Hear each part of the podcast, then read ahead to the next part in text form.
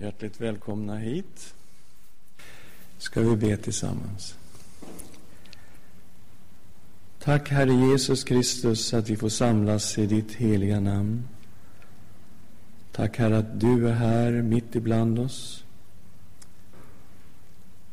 Tack att vi får bekänna oss till dig, Herre, och att alla böcker i skriften är inspirerade av dig. Tack levande Gud att detta är ditt ord. Och vi ber här att du ska tala till oss i Jesu namn. Amen. Ja, det här är nu eh, sista tillfället när vi har översikten över Gamla testamentet så att det kommer att bli en sammanfattning kan man säga. Ska bara avsluta så att säga efter GT. Det är bara för att eh, vi inte ska... Ja, vi ska ha en heltäckning ända fram till Nya testamentet. Och efter Malaki, som vi då daterar till 433, så kommer de 400 tysta åren när det inte fanns någon profet i landet. Och det är den apokryfiska perioden av Bibeln när det finns ett antal apokryfiska böcker som vi då inte räknar till Guds ord, till Bibeln inspirerade på samma sätt som Bibelns böcker. Under inledningen av den här perioden så har vi det väldiga perserriket som styr över hela det här området och där Juda, som faktiskt finns då efter återkomsten, i ett lydrike i det väldiga persiska riket. Och eh, sen kom ju grekerna på 330-talet. Eh, vid 331 kan man säga att man hade besegrat perserna och hade total kontroll över området. Och det här är ju Alexander den stores period, va? Som krigade över hela detta område. Och någon gång i mitten på 100-talet före Kristus så kommer romarna. Caesar utropar sig till diktator 46 före Kristus. Och de böcker vi har att göra med här, det är de apokryfiska böckerna som är mycket intressant att läsa just för att förstå den här perioden. Vi ska försöka titta hur profeterna i Gamla testamentet passar in i det här schemat. Vi sa att skriftprofeterna dyker ju upp efter det, riket har delats, så att vi har Israel i norr och Juda i söder. Och det delade riket det har vi daterat till 931 före Kristus. Vi har fångenskapen som har gått igenom när det norra riket Israel förs till Assyrien 722. Så förgörs Samaria i grunden och de tio stammarna i norr förs bort i fångenskap till Assyrien. 586 så har vi Jerusalems förstöring, templets förstöring, det tempel som Salomo en gång hade byggt. Och eh, Juda förs i fångenskap till Babylon.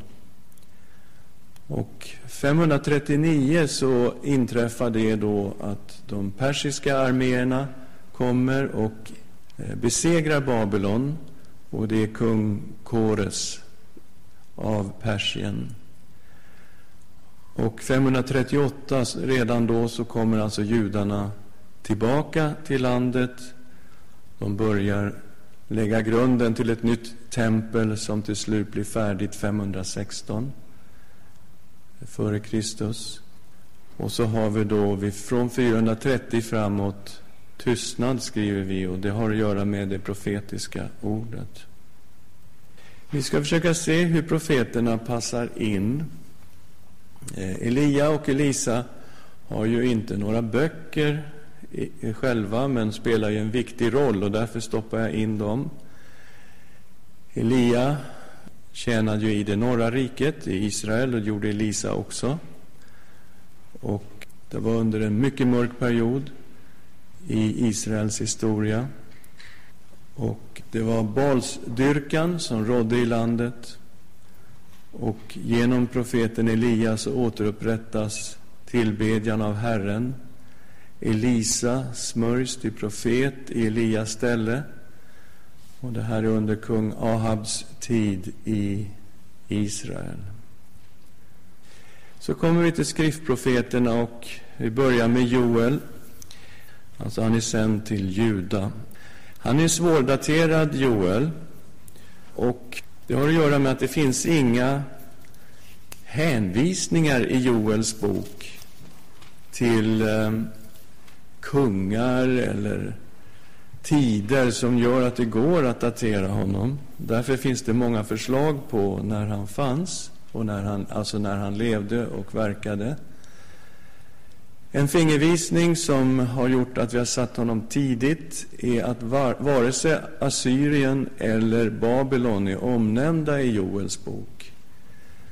Och eh, assyrierna blev ett verkligt hot för Israel på 700-talet.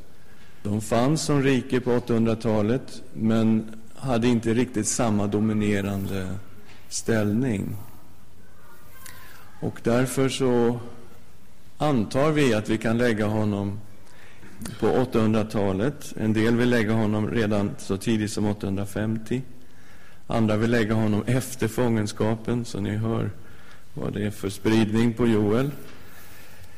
Här talas om Herrens dag. Och Herrens dag är en domedag. Och omvändelsen till Herren är fullständigt nödvändig, annars kommer domen. Och Joel-profetian tar språng i en naturkatastrof där gräshoppor har kommit och äter upp allt grönt. Och på ett liknande sätt så kommer, säger Joel, främmande herrar att komma in i landet och förgöra hela landet om man inte omvänder sig till Herren. Det är också i Joel vi har den här fantastiska profetian som är predikotexten för eh, Petrus på pingstdagen i 2.28. Och det ska ske härefter att jag ska utgjuta min ande över allt kött. Era söner och era döttrar ska profetera. Era gamla män ska ha drömmar. Era unga män ska se syner. Också över tjänare och tjänarinnor ska jag i de dagarna utgjuta min ande. Och jag ska låta tecken synas på himlen, på jorden, blod, eld och rökpelare. Solen ska vändas i mörker och månen i blod innan Herrens dag kommer, den stora och fruktansvärda. Och det ska ske att var och en som åkallar Herrens namn ska bli frälst. Så långt Petrus predikotext, som uppfylldes då på pingstdagen, en fantastisk profetia, en helig ande föll över den första kristna församlingen och öppnade vägen för en helt ny tidsålder, församlingens tidsålder. Jona, vi sätter honom 784. Och han var profet i Israel Eh, omkring Jerobiam den andres regering. Och Jerobiam den andre styrde mellan 793 och 753.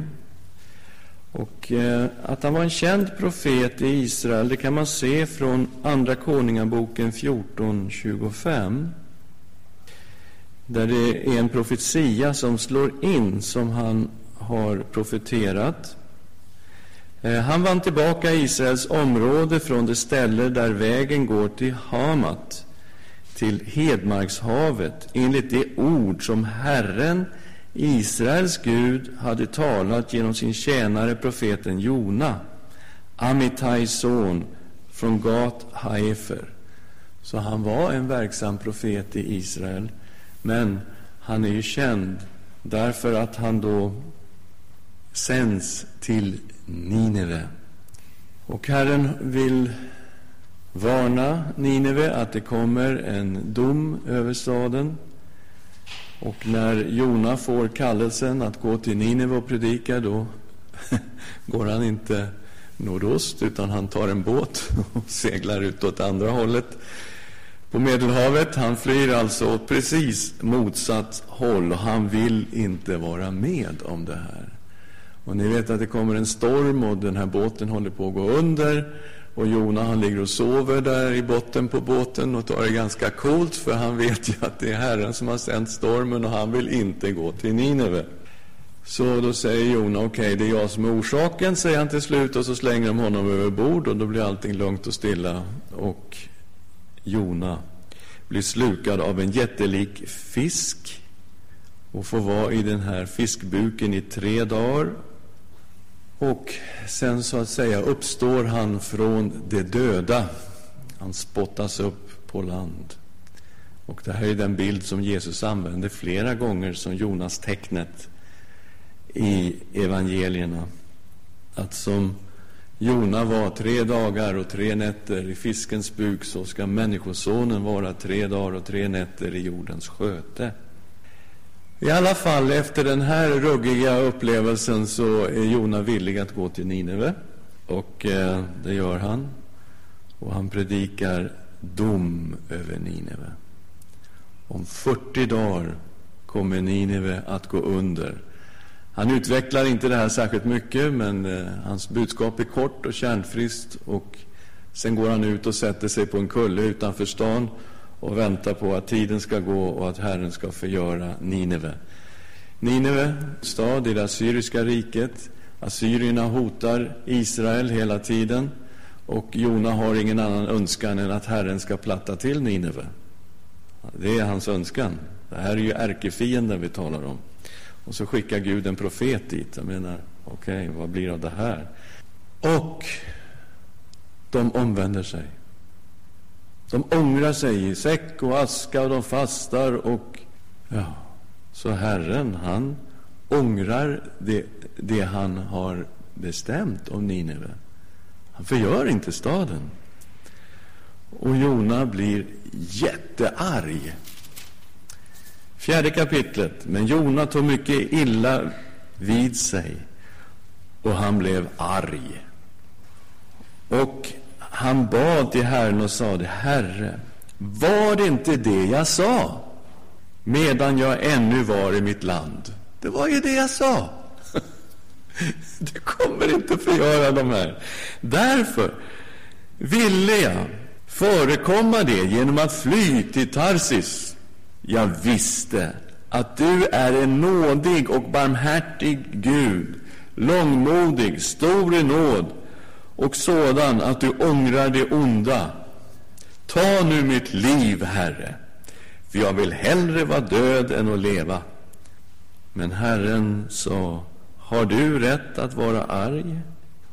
Och så gick Jona ut och han satte sig där och eh, Herren lät en resinbuske växa upp precis där Jona satt och den gav honom skugga för den heta solen och han tyckte det var rätt okej okay ett tag där.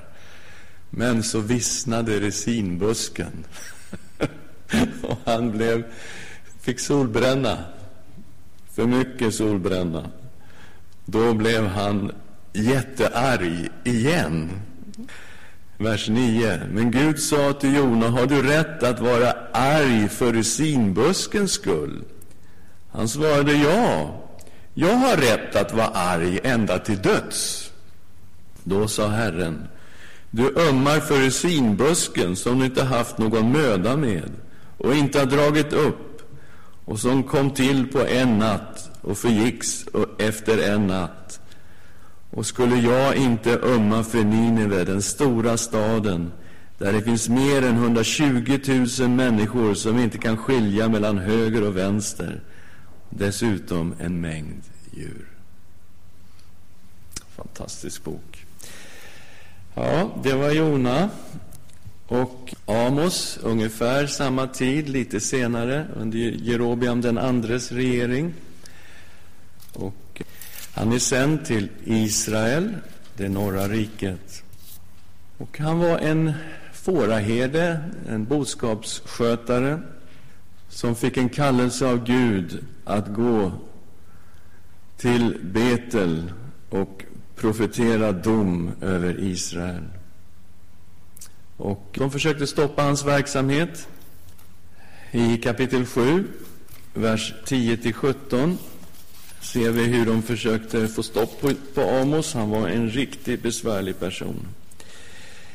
Amasja, prästen i Betel, sände bud till Jerobiam, Israels kung, och lät säga Amos har anstiftat en sammansvärjning mot dig mitt i Israel. Landet härdar inte ut med allt hans ordande. Ty så har Amos sagt, Jerobiam ska dö genom svärd och Israel ska föras bort i fångenskap från sitt land. Och Amasja sa till Amos, du siare, gå din väg. Fly till Judaland. Tjäna där ditt levebröd och profetera där. Men i Betel får du inte profetera mer, för det är en kunglig helgedom och ett rikets tempel. Amos svarade Amasja, jag är inte en profet, en yrkesprofet. Jag är en boskapsherde som lever av mullbärsfikon. Men Herren tog mig från jorden och Herren sa till mig, gå och profetera för mitt folk Israel. Så hör nu Herrens ord. Du säger, profetera inte mot Israel och tala inte mot Isaks hus. Därför säger Herren så, din hustru ska bli en hora i staden, dina söner och döttrar ska falla för svärd, din jord ska utskiftas med metsnöre, själv ska du dö i ett orent land och Israel ska föras bort i fångenskap från sitt land. Det här är Amos i ett nötskal. Han profeterade också dom mot alla rikena runt omkring Israel. Men det var ju framför allt mot Israel som han profeterade. I kapitel 3, vers 1 och 2. Hör detta ord som Herren talat mot er, ni Israels barn mot hela det släkte som jag fört upp ur Egypten. Så har han sagt, endast er har jag känt som mitt folk av alla jordens släkter. Därför ska jag också straffa er för era missgärningar. Han talar om Herrens dag, och Herrens dag i Amos, det är en domedag. Han talar om fångenskap till Assyrien. Man talar också om att en kvarleva ska få återvända och att Herren en dag ska bygga upp Davids fallna hydda. Och David, det är förbundet Gud har gjort med David. Det finns så oerhört starka profetior och löften kring David. Att en son av David ska regera på Herrens tron i all evighet. Och vi ser även det messianska skymta här i Amos bok i kapitel 9, vers 8 till 12. Se, Herrens, Herrens ögon är emot detta syndiga rike, och jag ska utplåna det från jordens yta. Ändå vill jag inte alldeles utplåna Jakobs hus, säger Herren. Ty se, jag befaller att Israels hus ska sållas bland hedna folken, som om det siktades i ett såll, inte ett minsta korn ska falla till jorden. Alla syndare i mitt folk ska dö för svärd. Det som nu säger, oss ska olyckan inte komma nära, över oss ska den inte komma. På den dagen ska jag resa upp Davids fallna hydda, mura igen dess sprickor och resa upp det som är nedrivet. Jag ska bygga upp den som i forna dagar, så att det kan ta i besittning vad som är kvar av Edom och av alla hedna folk över vilka mitt namn har nämnts, säger Herren, han som ska göra detta. Och så kommer ett, en profetia om att det ska bli ett fridsrike, det ska bli fred. Hosea ligger ungefär samtidigt med eh, Amos 750. Och ni märker att de här är sända till Israel och det handlar om domsprofeter, hela gänget. Det fanns ingen kung i Israel överhuvudtaget som gjorde vad som var rätt i Herrens ögon. Under den här perioden som Hosea tjänade så levde Israel i synkretism. Man blandade ihop tillbedjan av Herren, Jahve, med tillbedjan av Baal. Och Baal var en fruktbarhetsgud, en avgud. Och som en del av tillbedjan så ingick just det här med sexuella orgier, fruktbarhetsriter. Och relationen mellan Herren och Israel liknas i Hosea bok för ett äktenskap där Israel har brutit förbundet, äktenskapsförbundet med Herren genom att ge sig åt andra avgudar och tillbe andra gudar.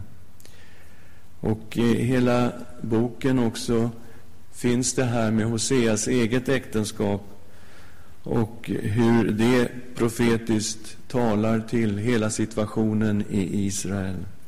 Han är själv gift med en trolös kvinna som heter Gomer.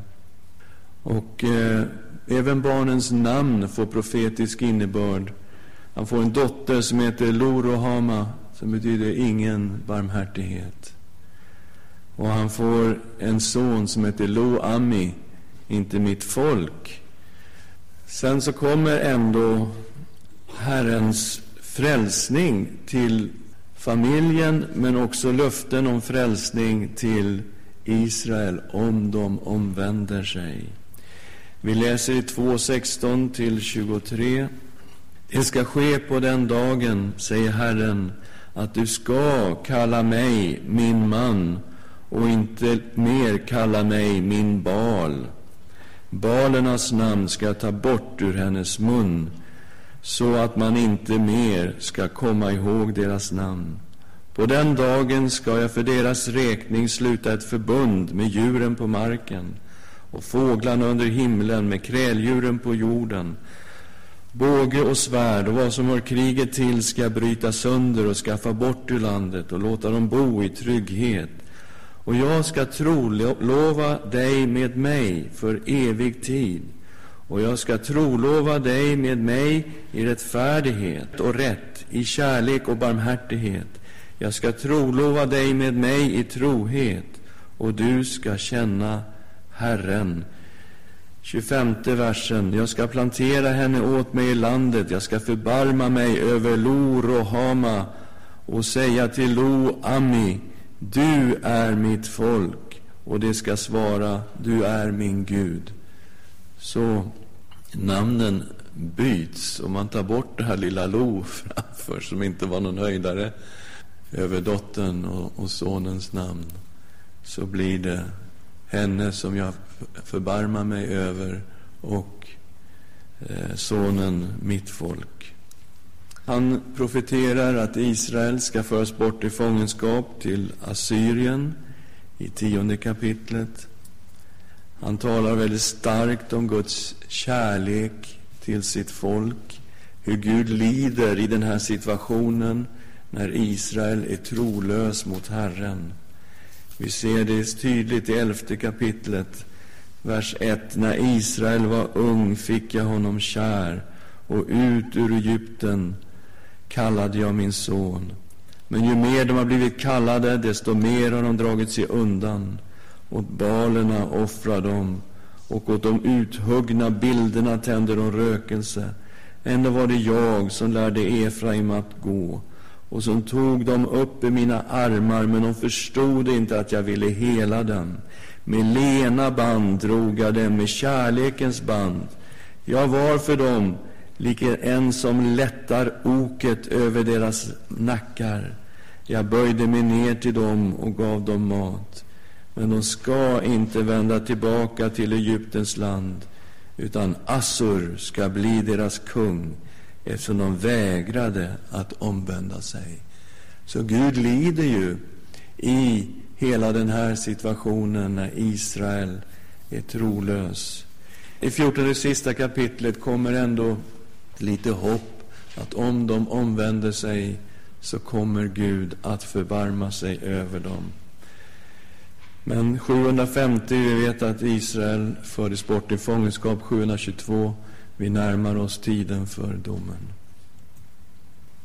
Jesaja, en stor profet i Israel.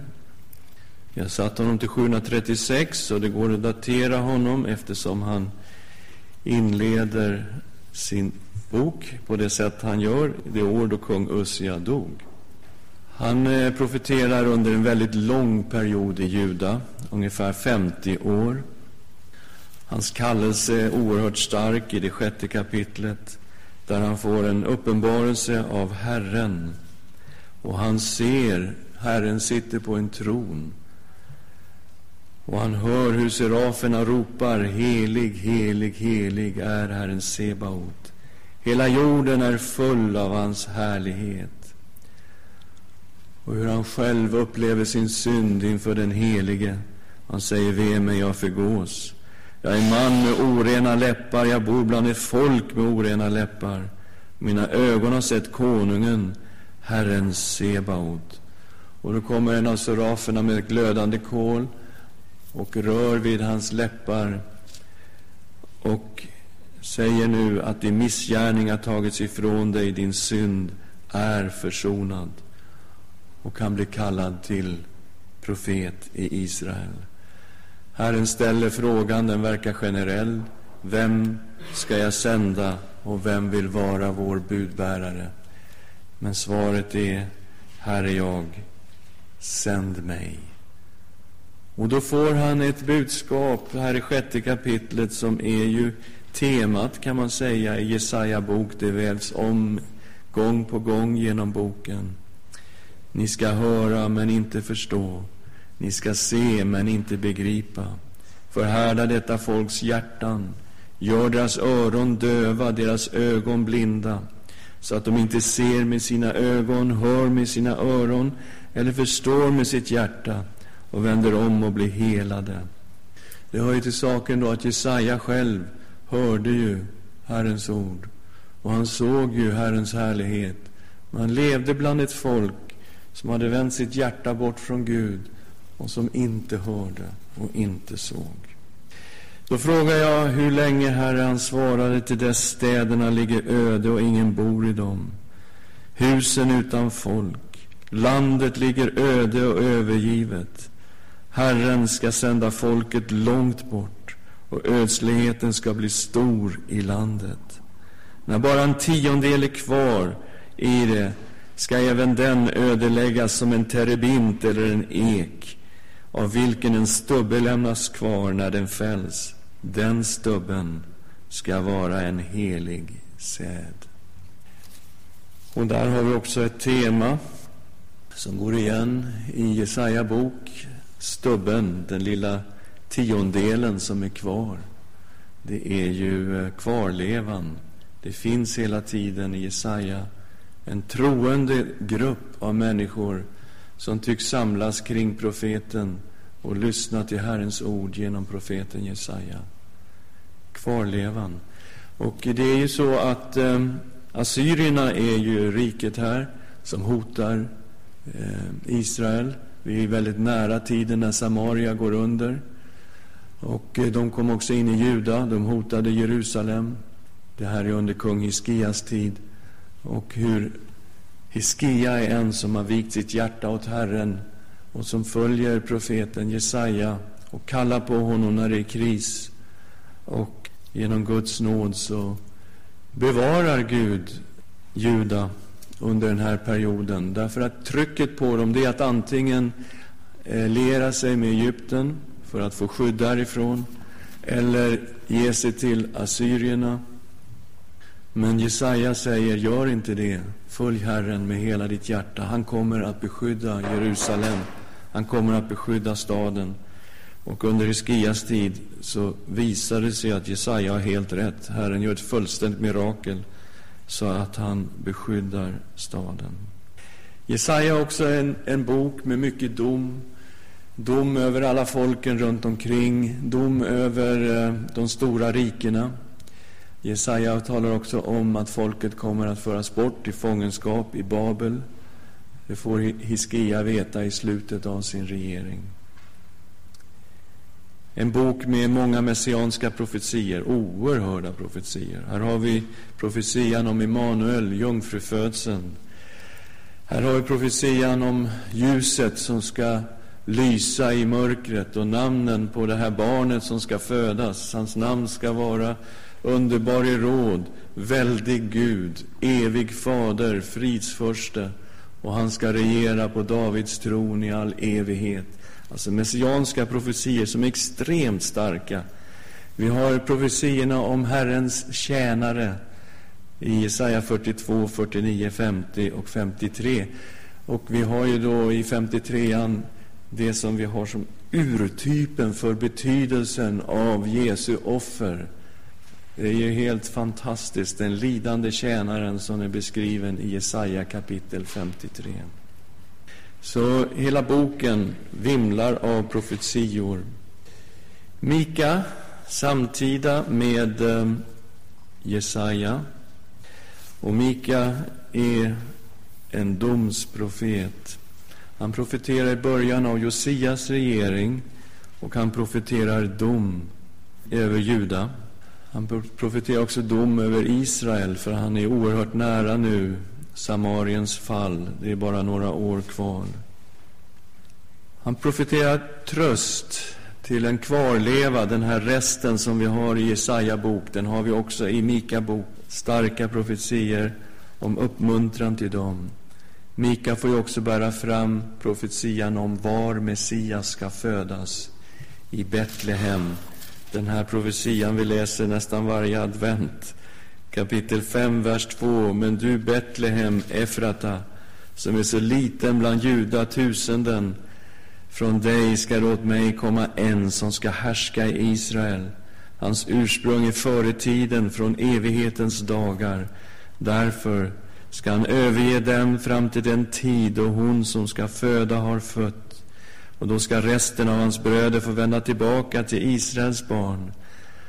Han ska träda fram och vara en herde i Herrens kraft, i Herrens sin Guds namns höghet, och det ska ha ro, ty han ska då vara stor intill jordens ändar.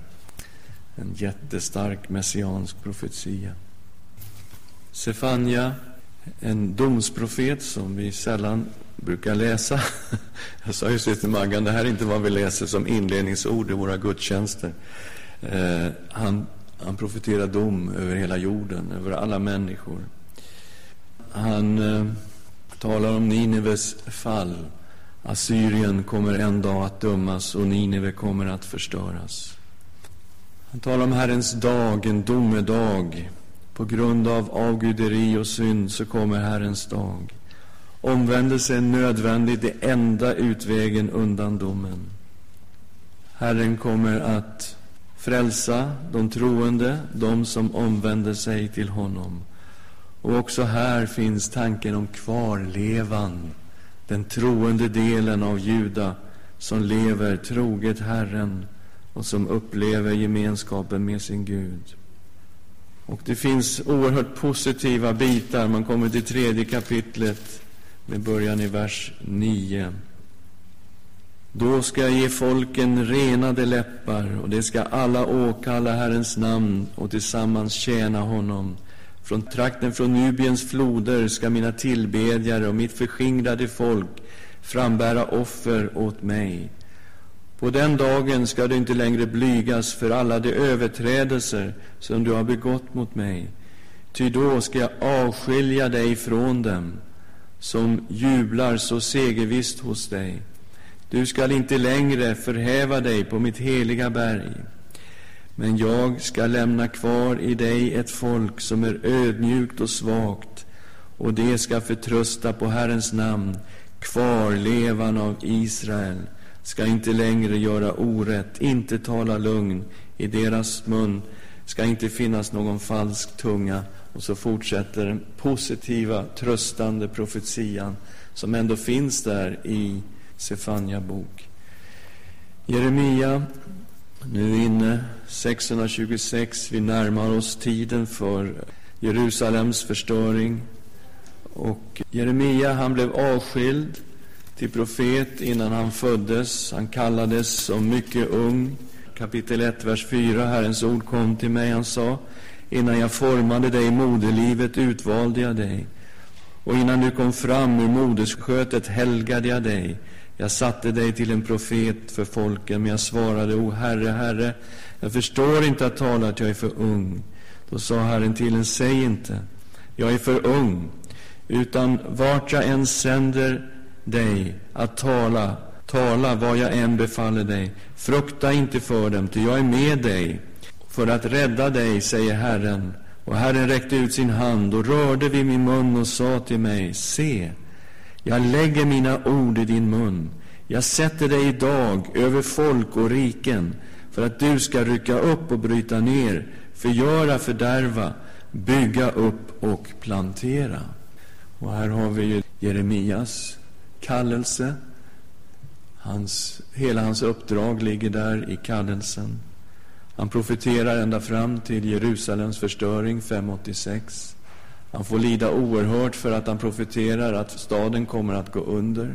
Hans budskap är det är ingen idé att kämpa längre. Ge er till babylonierna. Ni kommer att rädda era liv. Om ni stannar kvar i staden och kämpar kommer ni att förgöras och föras bort i fångenskap och Jerusalem kommer att gå under och bli en grushög och templet kommer att förstöras. Han profeterar om en 70-årig fångenskap.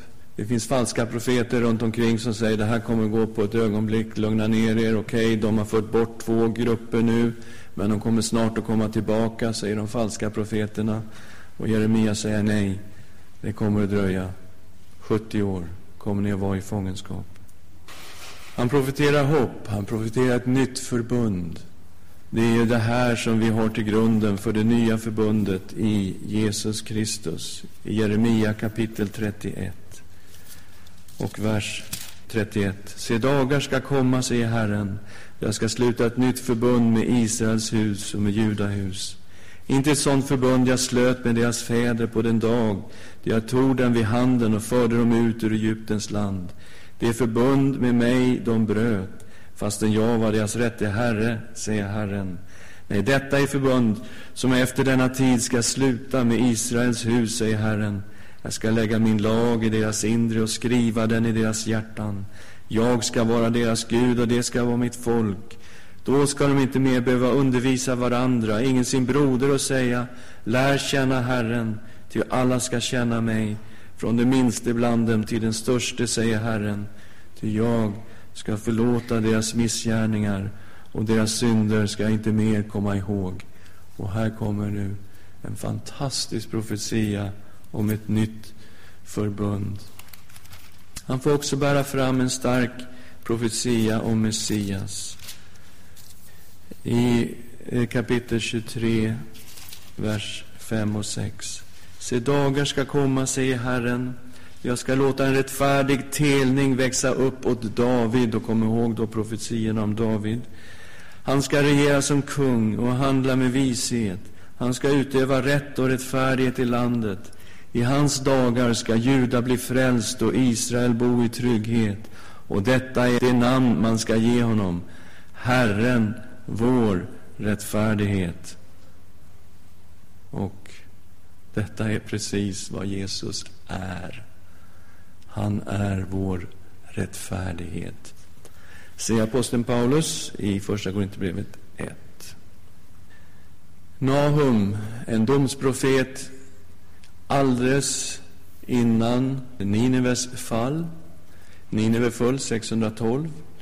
Kring 620 kommer Nahum och kan profetera. Hela, hela boken är bara en enda lång domsprofetia över Nineve, huvudstaden i Assyrien, kommer att förgöras i grunden.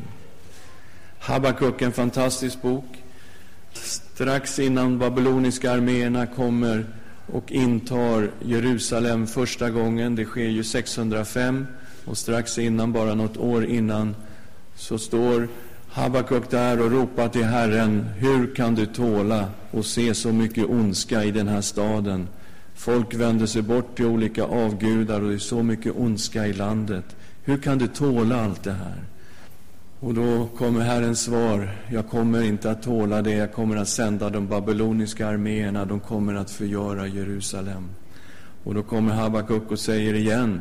Men hur kan du använda ett folk som är ännu ondare än vad vi är för att straffa Juda? Och Herren säger, jag kommer ta itu med dem. De kommer att dömas de också. De kommer att förgöras. Babylon kommer att förgöras. Så i den här situationen så har vi de här fantastiska orden i slutet av profeten Habakuk. Jag darrar där jag står, till jag måste stilla vänta på olyckans dag, att den ska komma över det folk som angriper oss. Fikonträdet blomstrar inte mer, vinstocken ger ingen skörd, och livträdets frukt slår fel. Fälten ger ingen föda. Fåren rycks bort ur follorna, och ingen boskap finns i stallen. Men jag vill jubla i Herren och glädja mig i min frälsningsgud. Herren, Herren är min starkhet. Han gör mina fötter som hjortens och låter mig gå fram över mina höjder. Helt oerhörda spännvidder i den här lovprisningen i Habakuk. Daniel, en bok som är skriven i fångenskapsperioden, han som tydde drömmarna om de fyra världsrikena, det babyloniska, det persiska, det grekiska och romarriket.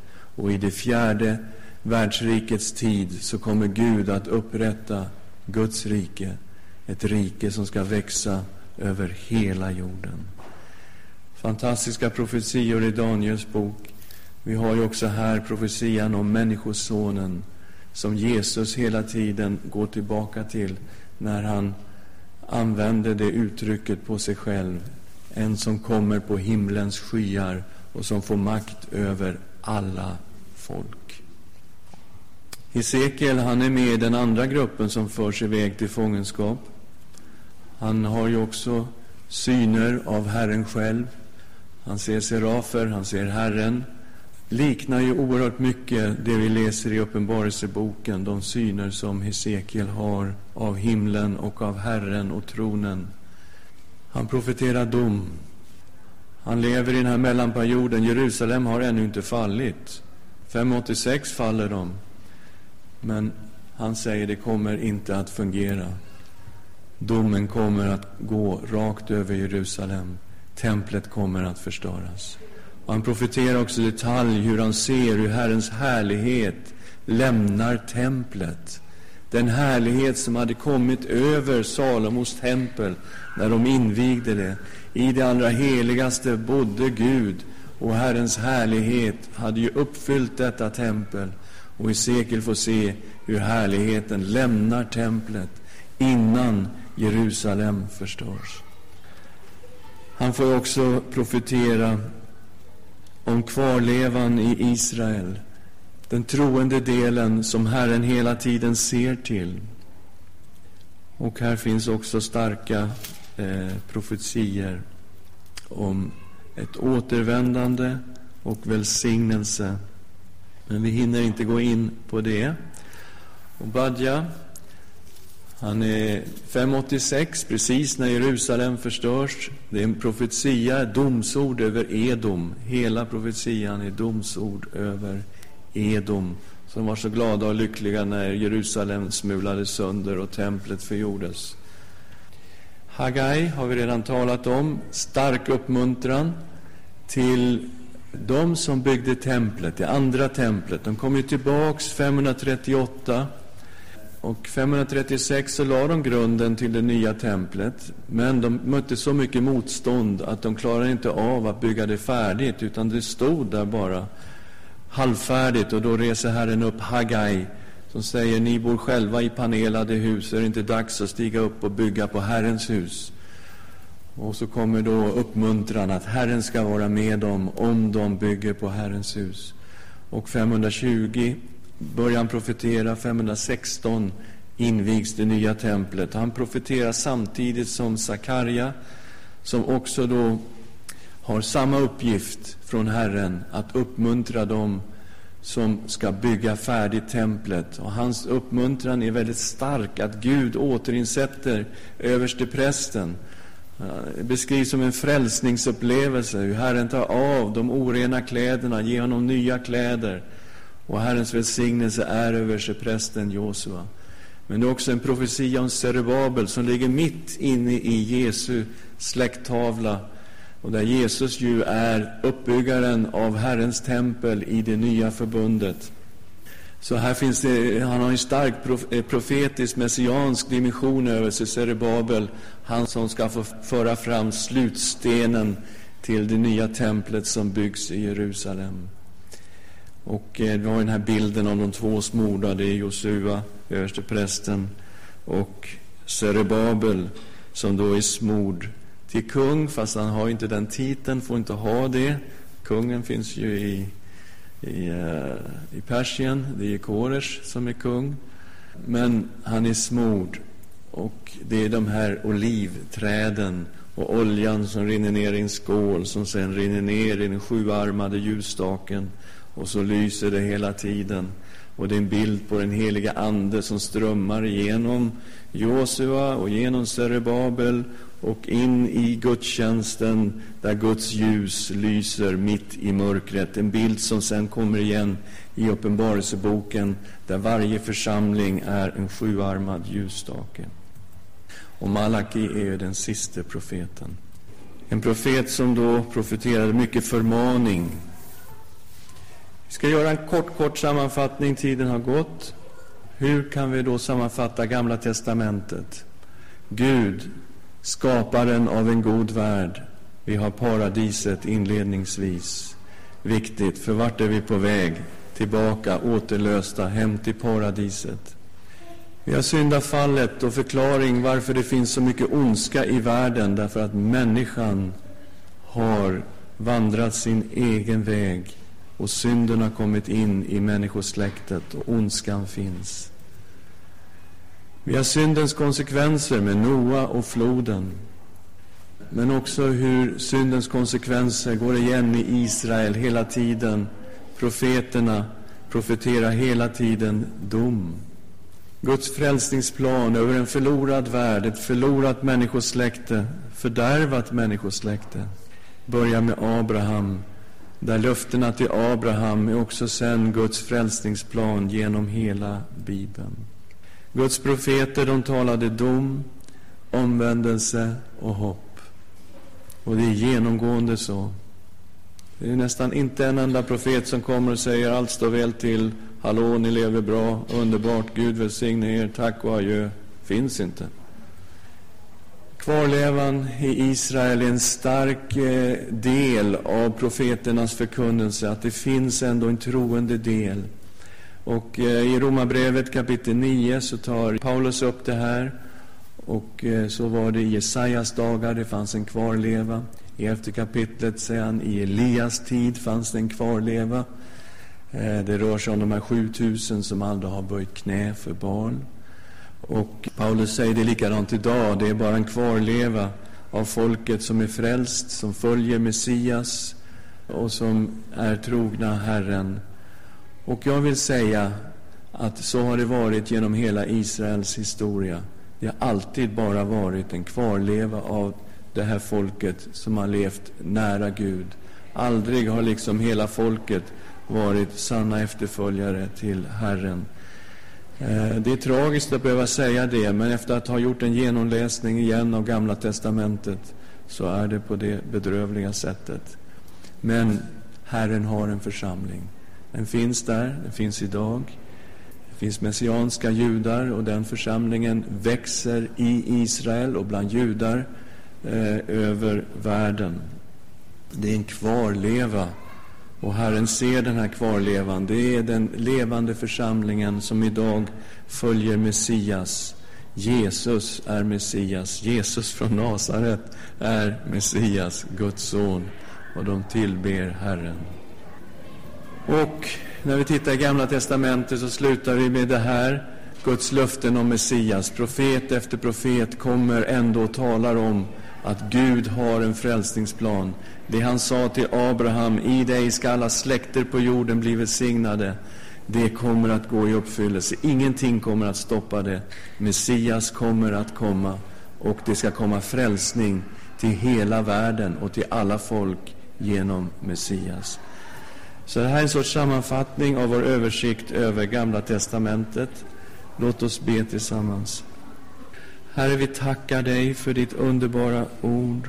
Vi tar ditt ord till våra hjärtan. Tack för allt detta som pekar på att du är trofast, att du står vid dina löften, du står vid dina förbund. Och tack, Herre, att vi får leva i det nya förbundet i Jesus Kristus, i ditt blod, Herre Jesus. Amen.